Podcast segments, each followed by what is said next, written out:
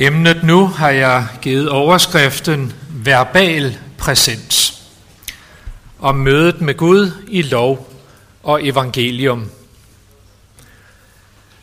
Noget af det mest karakteristiske for Europas senmiddelalder var de mange konventikler og omrejsende prædikanter, som forkyndte for almindelige borgere og bønder på deres modersmål.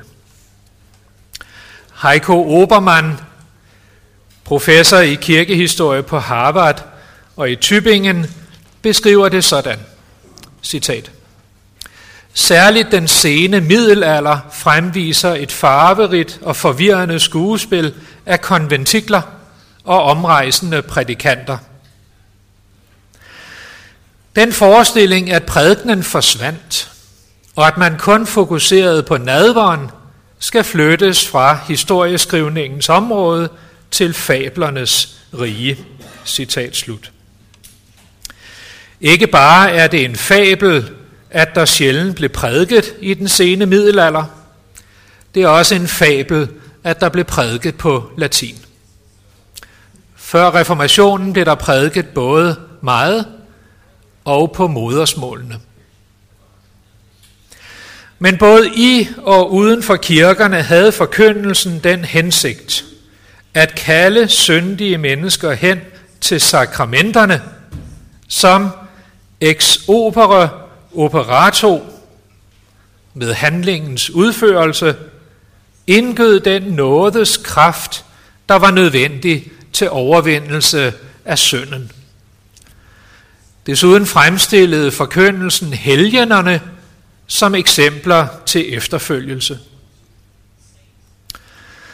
Forkyndelsen gav altså bare information om synden og om sakramenterne.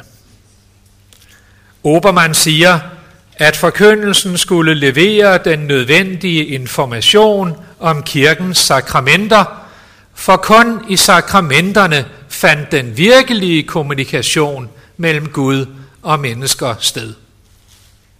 Forkyndelsen var ikke et nådemiddel. Den viste blot hen til de virkekraftige midler, nemlig sakramenterne. Den store nyhed med reformationen var ikke, at man gav sig til at prædike, og heller ikke, at man prædikede på modersmålene. En sådan forkyndelse var den senmiddelalderlige europæer fuldt fortrolig med. Den homiletiske nyhed var til gengæld, at prædikenen ikke blot var en forberedelse på mødet med det hellige. Selve prædikenen var, fortsætter Obermann, det egentlige møde med den hellige selv.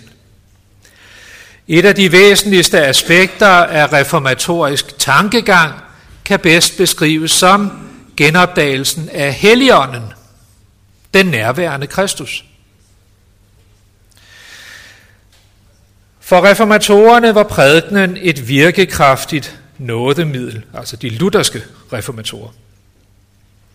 Med Obermanns ord, citat, Reformationen havde sin egen ex opera operato lære, ikke i forbindelse med sakramenterne, det synlige ord, men i forbindelse med det hørte ord, prædikenen. Citat slut. Men som vi skal se, blev prædikenens virkning af reformatorerne forstået noget forskelligt fra den romersk-katolske ex opera operato teologi. Martin Luther understreger gang på gang, at vi hører Guds egen røst tale til os, når vi lytter til en sand bibelsk prædiken. Mens Johannes Bugenhagen var i København for at få styr på reformationen der, prædikede Luther sig igennem blandt andet Johannes 1-4 i Sovnekirken i Wittenberg. Ved sin gennemgang af Johannes 4.10 i september 1540 siger Luther, citat, Jeg hører nok prædikenen, men hvem taler? Præsten? Nej, bestemt ikke. Du hører ikke præsten. Stemmen er nok hans. men det ord, som han prædiker eller taler, det taler min Gud. Citat slut. I en af sine såkaldte bordtaler siger Luther det sådan, citat. Hør broder, Gud som er skaber af himmel og jord taler til dig gennem sine prædikanter. Disse Guds ord er ikke Platons eller Aristoteles' ord, men Gud selv taler. Citat slut. I en prædiken over Matthæus 2 på Hellig Tre Kongers søndag i 1522 forklarer Luther, hvorfor stjernen ikke førte de vise mænd direkte til Bethlehem, men til Jerusalem, hvor de skriftkloge læste op for dem af den hellige skrift. Gud vil dermed lære os, siger Luther, at søge Kristus i skriften. Han vil findes der, og ikke noget andet sted. Det svøb, som han var viklet ind i, og den krybbe, hvor i han lå, det er profeternes og lovens skrifter. Citat slut. Men i en prædiken på første søndag efter Hellig Tre Konger i 1523 siger Luther noget lignende om prædikenen. Teksten er Lukas 2, den 12-årige Jesus i templet. Citat. Krybben er prædikenen, hvor i han ligger og kan gribes. Citat slut. I samme prædiken identificerer Luther de heilige skrift og Wort Gottes, som er Guds tempel. Kun der lader Kristus sig finde, siger Luther. Altså, både i den hellige skrift og i prædikenen møder mennesker Kristus ligesom svøbt og liggende i en krybbe. På faste lavns søndag 1534 prædiker Luther over Lukas 18. Citat. Vi har altså Guds ord i dåben, i nadveren, i absolutionen, i prædikenen. Der taler Gud selv med os, tilsiger os søndernes forladelse i absolutionen. Han bespiser os selv med Kristi, hans søns, lægeme og blod. Dette skal vi tro og holde for sandt og ikke tvivle om. Citat slut. I udgangspunktet finder vi altså Guds ord i Bibelen, men hvor vi prædiker og forvalter sakramenterne i overensstemmelse med Bibelen, der finder vi også Guds ord.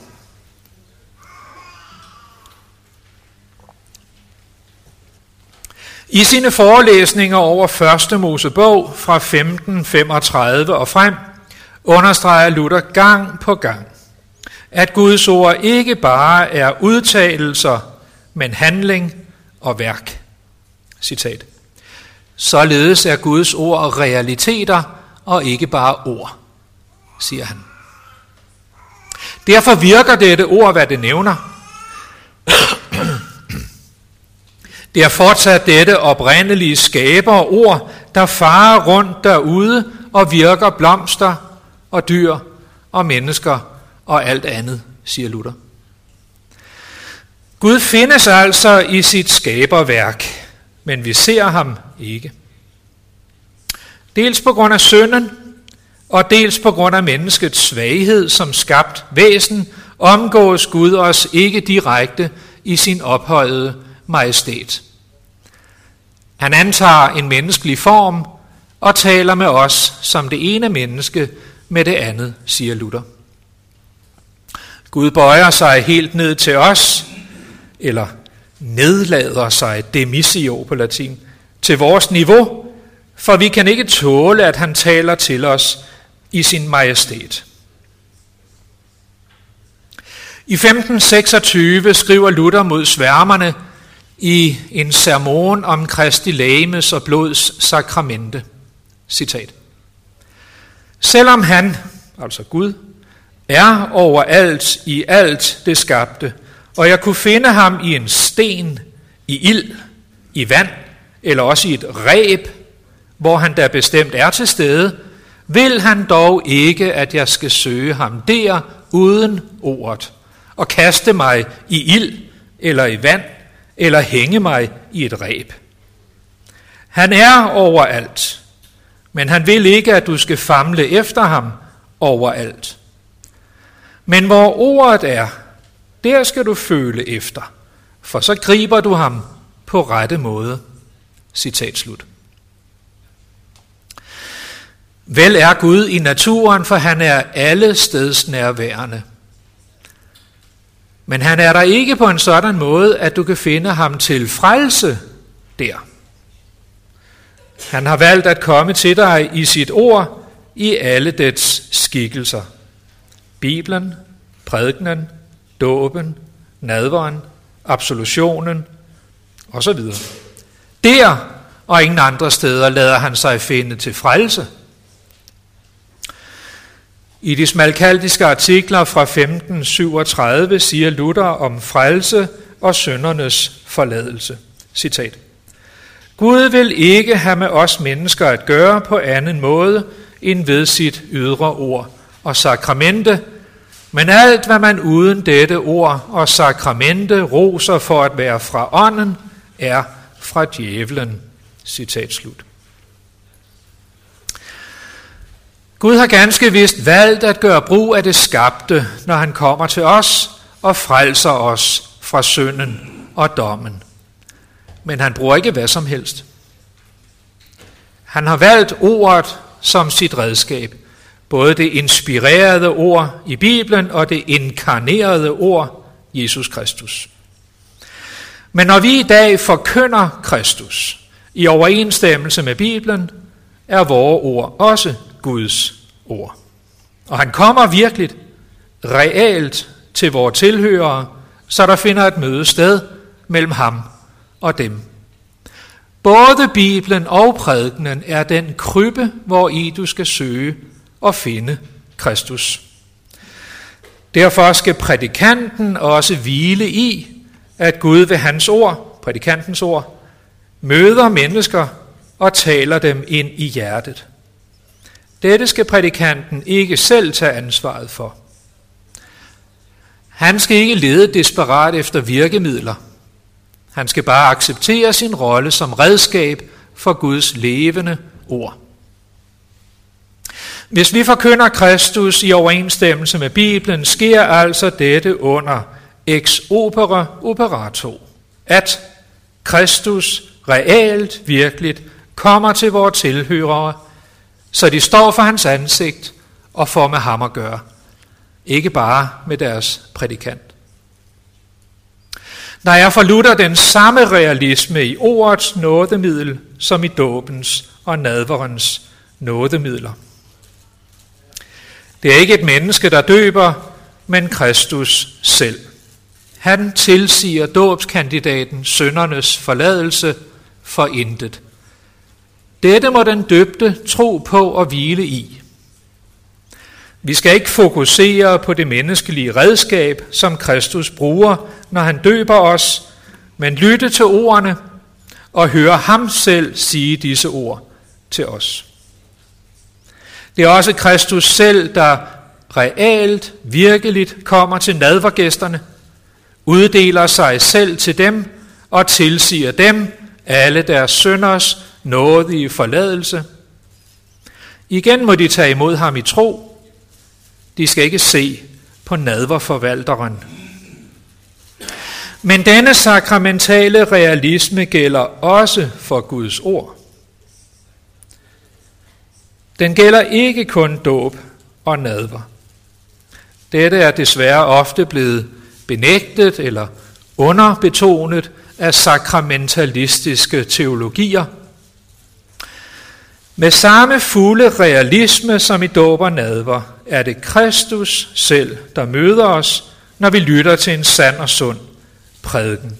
Det er ham, der forkynder sit gode ord for os. Dette må vi tro, også selvom vi er i tvivl om prædikantens moralske habitus eller indre trosforhold.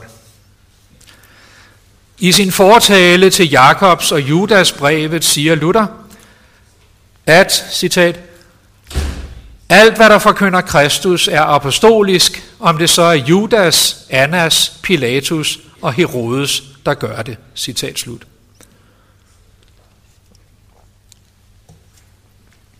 Det 4. århundredes donatisme lærte, at sakramenter og ordinationer foretaget af åbenlyse syndere var ugyldige. Sakramenterne og ordinationen var nemlig afhængige af forvalterens iboende nådes kraft. Men i lighed med den kirkelige tradition afviste reformatorerne dette som kætteri. Augustana 8. Ligesom dåb og nadver ikke er afhængige af forvalteren, sådan er Guds ord ikke afhængig af ham, der forkynder det. Blot må han forkynde i overensstemmelse med den hellige skrift, ligesom han må forvalte sakramenterne efter deres indstiftelse. Men gør han det, så bærer hans ord Kristus hen til tilhørende, så de reelt, virkeligt møder ham. Prædikanten er ikke bare en ambassadør, der taler på Guds vegne, mens Gud selv er optaget af andre gøremål. Ligesom det virkelig er Gud, der døber. Og ligesom Kristus reelt kommer til os i brød, nadverens brød og vin, sådan er det virkelig Gud, der taler med prædikanten som redskab. Dr. Henry S. Wilson skriver i sin interessante afhandling om Luthers forståelse af prædikenen, citat, Den største tjeneste Luther har gjort for den kristne prædiken er genopdagelsen af den bibelske forståelse af prædikenen som Gud selv, der taler. Deus loquens. Prædikenen er ikke bare menneskers tale, men det er Gud selv, der taler til individuelle mennesker gennem deres prædikanter. Citat slut. Men Wilson indrømmer samtidig, den vanskeligste del af Luthers forståelse af prædikenen er netop hans påstand om, at prædikenen er Guds egen tale til mennesker. Det er alt for let at se prædikenen som blot og bare tale om Gud. Citat slut.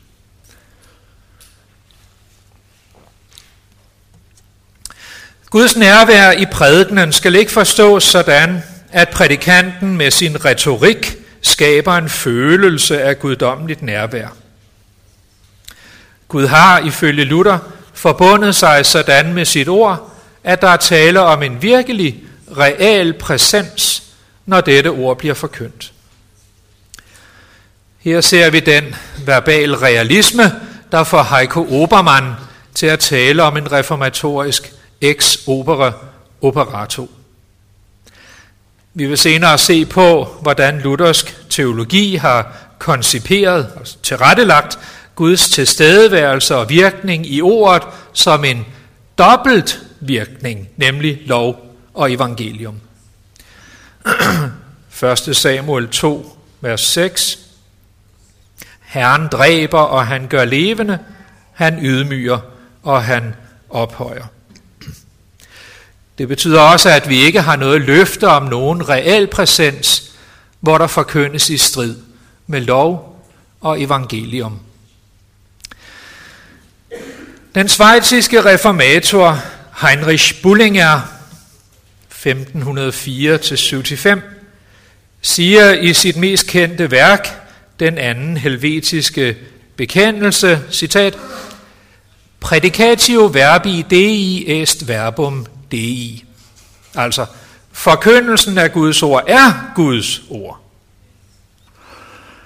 Reformerede teologer af både kalvinistisk og zwingliansk observans er enige med de lutherske om, at såvel Bibelen som en sand bibelsk forkyndelse er Guds ord. Begge steder hører vi Gud tale til os. På grund af denne grundlæggende enighed er det ikke altid blevet bemærket, at der dog er grænser for, hvor langt enigheden rækker. Obermann skriver om Bullingers trosbekendelse, citat.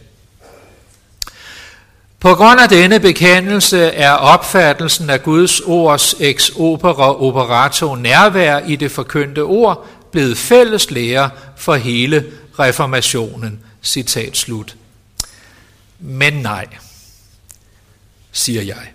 Dette er ikke en tilstrækkelig præcis gengivelse af de forskellige reformatorers lære om nådemidlerne. Som vi har set hos Luther, indebærer forkyndelsen ikke bare en reel præsens af Guds ord, forstået som ord, men virkelig den guddommelige persons egen reel præsens i, med og ved det forkyndte ord. Reformerede taler nok om, at forkyndelsen er Guds ord. Og derfor også om, at Gud virker sammen med dette ord. Men deres forståelse af realpræsensen afviger fra den lutherske opfattelse, nogenlunde ligesom deres nadverforståelse afviger fra den lutherske. Dette sker i øvrigt på to forskellige måder, fordi tvinglianere og kalvinister ikke er enige. Huldrich Zwingli, 1484-1531, afviser enhver form for real præsens i nadveren. Nadveren er bare et mindemåltid, hvor vi tænker på, hvad Jesus har gjort for os. Jesus er ikke til stede på nogen speciel måde i nadveren, siger han. Men Calvin lærer, at Kristus er åndeligt nærværende i nadverhandlingen. Jesu Kristi menneskelighed og dermed hans lægeme får til himmels og sidder nu ved faderens højre hånd. Hans lægeme og blod kan derfor ikke være til stede på de mange nadverbord her på jorden.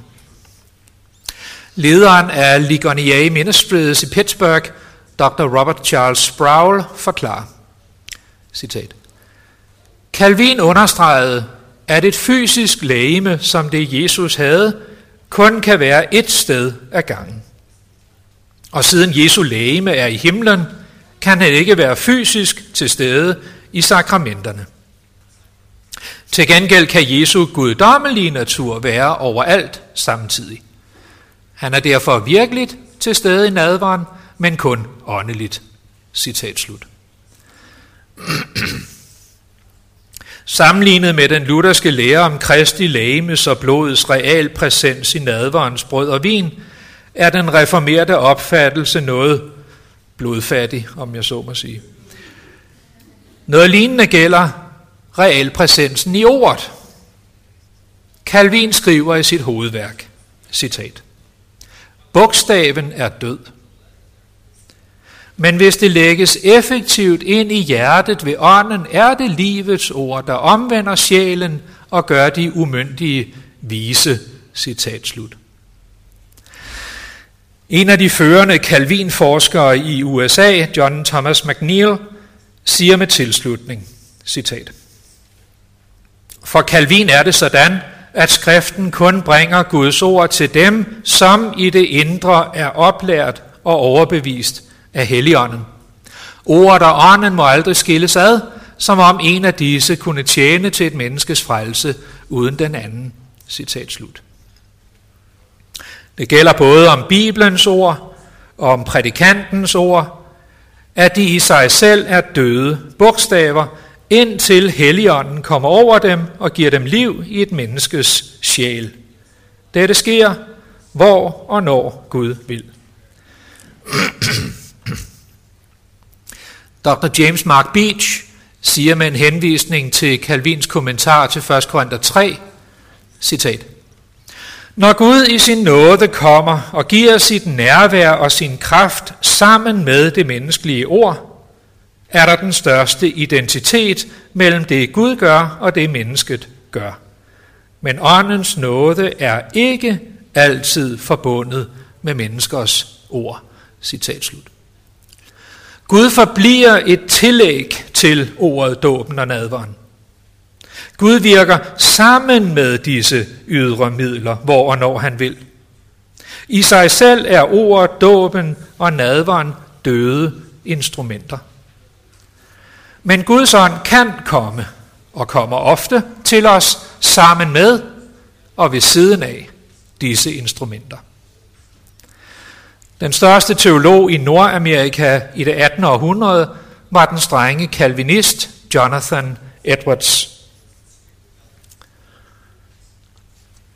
Han siger om forholdet mellem ordet og ånden, at ordet giver os en viden om den sande lære, men ånden skaber troen på denne lære i os.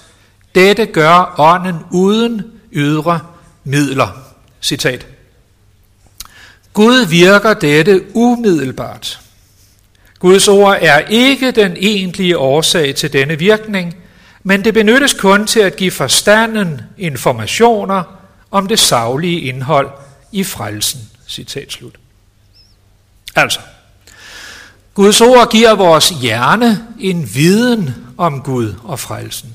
Men det er ånden, der skaber troen på Gud og på frelsen i vores hjerte. Dette gør Guds ånd ved siden af og sammen med, men principielt løsrevet fra de ydre midler. Gud bruger nok ordet, men virkekraften er en ad hoc tilføjelse til ordet.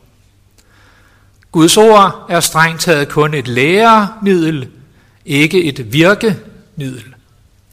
Her ligger kalvinismen tæt på den katolske opfattelse af Guds ord, selvom der er stor forskel på kalvinistisk og katolsk lære om sakramenterne. Professor i Göttingen, Münster, Bonn og Basel, Karl Barth, der døde 1968, er i dette spørgsmål næsten helt klassisk reformert. Alligevel har han dannet skole også blandt lutheranere. Han siger, at det forholder sig med Bibelen og med forkyndelsen som med Bethesda Dam. Johannes 5. Fra tid til anden stiger Helligånden ned og berører ordet, så det bliver Guds ord med virkekraft til frelse. Dette sker ubi et quando visum est deo, altså hvor og når Gud vil, som Augustana 5 formulerer sig i en ganske anden sammenhæng. Dogmatikprofessor i Fort Wayne, Robert Price, forklarer, citat. Barth mener, at Bibelen bliver Guds ord. I sig selv er den ikke Guds ord. Nej, der er måske et under, hvorved Bibelen hæves op og taler til os som Guds ord. Citat slut. Dette gælder i øvrigt også om den kristne forkyndelse, siger Bart. Den er ikke Guds ord, men bliver Guds ord, hvor og når Gud vil.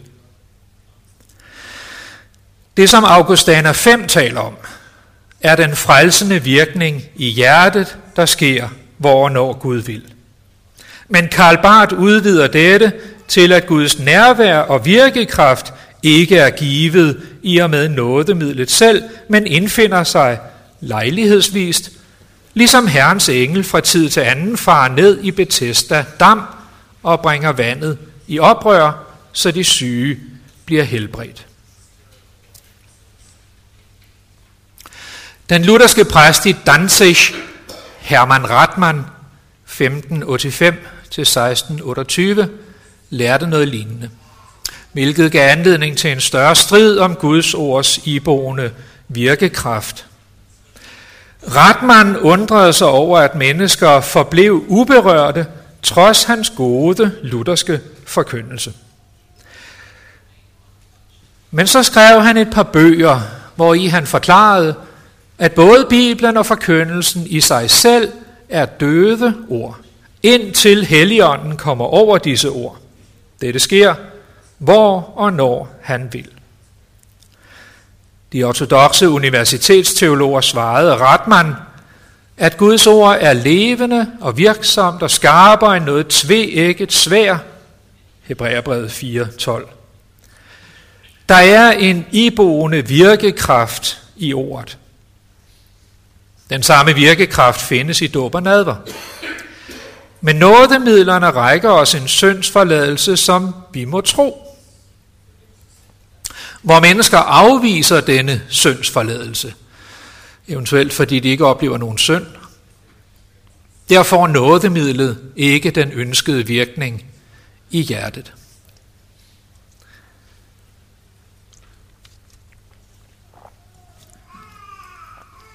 Såvel den kalvinistiske nådemiddelopfattelse som Hermann Ratmanns forståelse af Guds ord forekommer nestoriansk. Guddommeligt og menneskeligt findes sammen, men ved siden af hinanden, uden for alvor at blive et. Gud benytter sig af den menneskelige prædiken, i det helligånden virker sammen med, men ved siden af forkyndelsen. Zwingli har til sammenligning en nærmest ariansk nådemiddelopfattelse. J. Mark Beach siger om zwinglianernes forståelse af Guds ord og af forkyndelsen, citat. I den zwinglianske eller ikke sakramentale model er det sådan, at selvom prædikenen er en udlægning af det skrevne Guds ord, som Gud kan bruge til at skabe frugt i troende menneskers liv, så er det i sidste ende bare information. Prædikner giver ikke del i det guddommelige. Faktisk er prædikner ikke guddommelig aktivitet i nogen forstand. Prædikner giver information fra Bibelen, men de formidler ikke og giver ingen andel i Kristus selv. Denne opfattelse af prædikenen karakteriserer i dag de fleste reformerede og evangelikale kirker i Nordamerika, og den passer fint med den svinglianisme, som i øvrigt bestemmer nadverlæren i de samme kirker. Citat slut. Modsat denne opfattelse siger luthersk teologi. Det er egentlig ikke sakramentforvalteren, der handler i dåb og nadver. Det gør derimod Gud selv.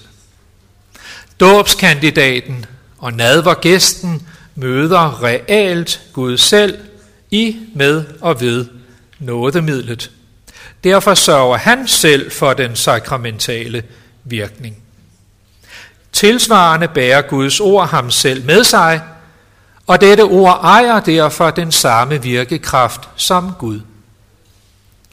Følgelig skal vi se og høre Gud selv bag den prædikant, der taler som Guds ord. Og derfor har dette ord samme iboende virkekraft som sakramenterne. Philip Melanchthon siger i Apologien 13.5, citat, der er den samme virkning i ordet og i handlingen. Citat slut.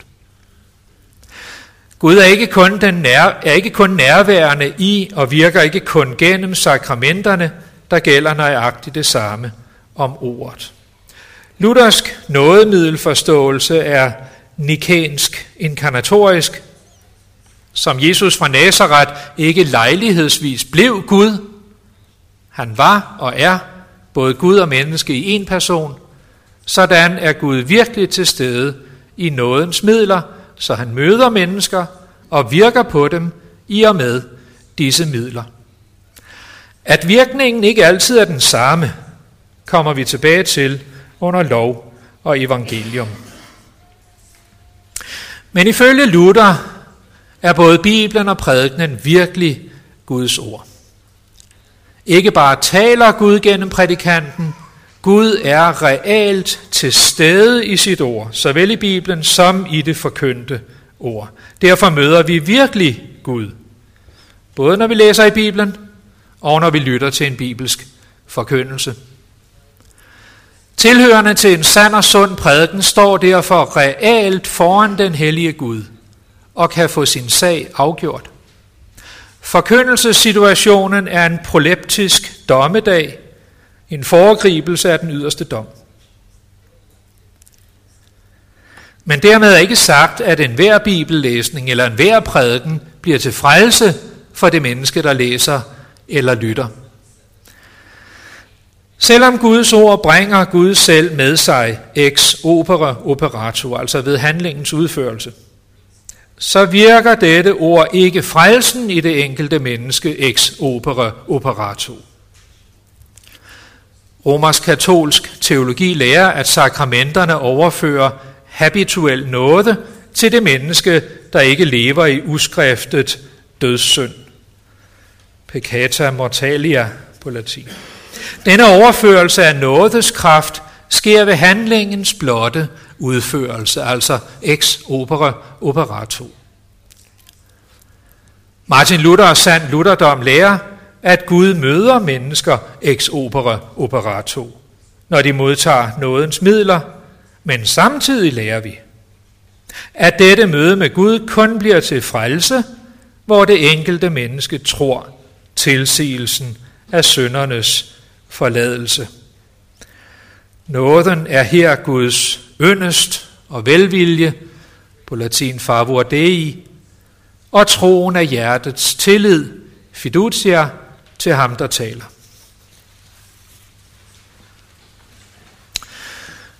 Gud lader os altså, Guds ord lader os altså møde Gud selv. Men på grund af synden er der i virkeligheden tale om et dobbelt møde.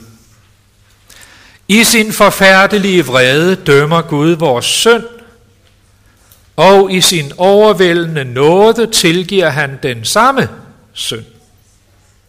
Det sidstnævnte sker, hvor et menneske giver Gud ret i dommen. Hensigten med det første møde med Gud er altså, at vi skal nå frem til det andet møde. Vi kalder disse to møder med Gud for lov og evangelium.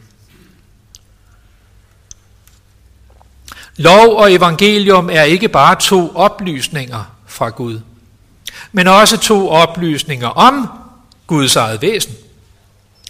De gamle lutheranere sagde på latin, Lex est Deus accusans et damnans, evangelium est Deus absolvens et justificans. Altså, loven er Gud, når han anklager og dømmer.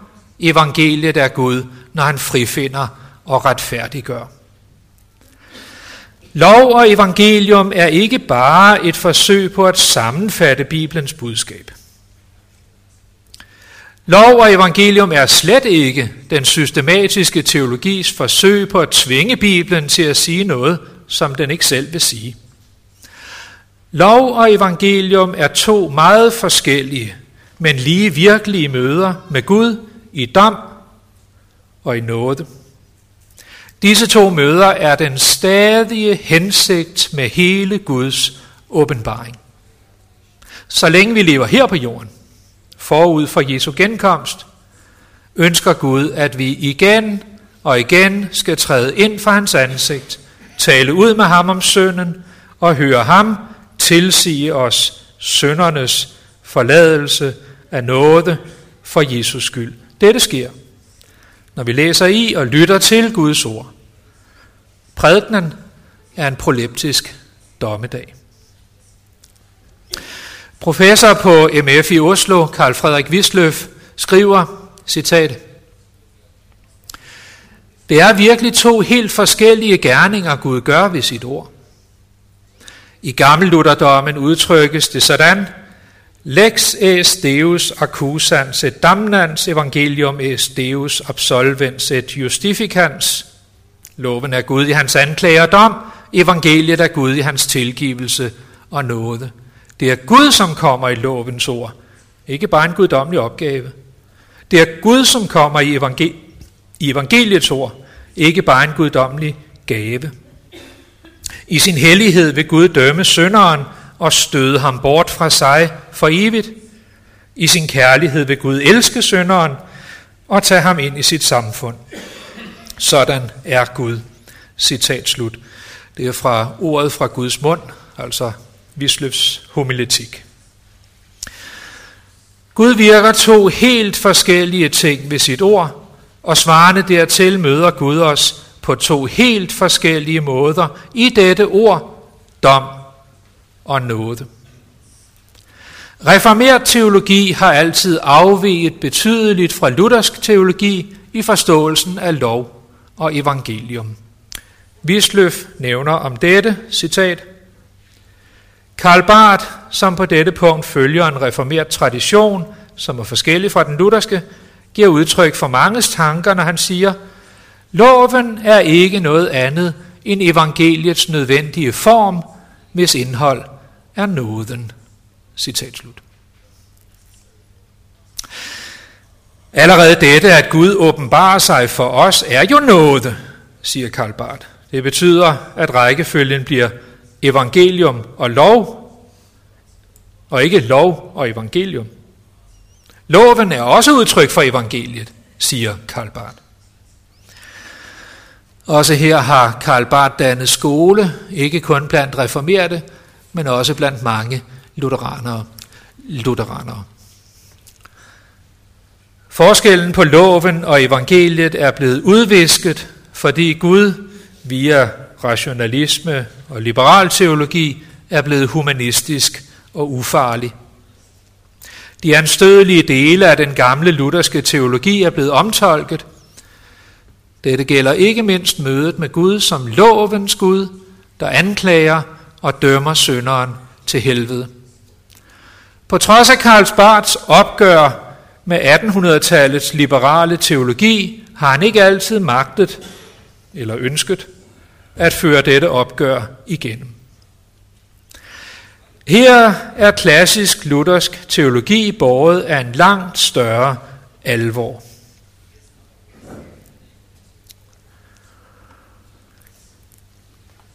Mennesket fødes i vredens stand. På latin in statu ire. Og vreden er ikke en upersonlig fordærvsmagt. Den er derimod Guds personlige vrede og modvilje mod synderen. Men samtidig elsker Gud verden så højt, at han sender sin enborne søn, der stedfortrædende bærer både synden og vreden og straffen. På Golgata er Jesus i vredens stand. Gud sænker sin egen søn ned i ildsøen. Og Jesus går frivilligt ind under dette, for at Gud kan frifinde os af nåde for Kristi skyld ved troen, som det hedder i Augustana 4.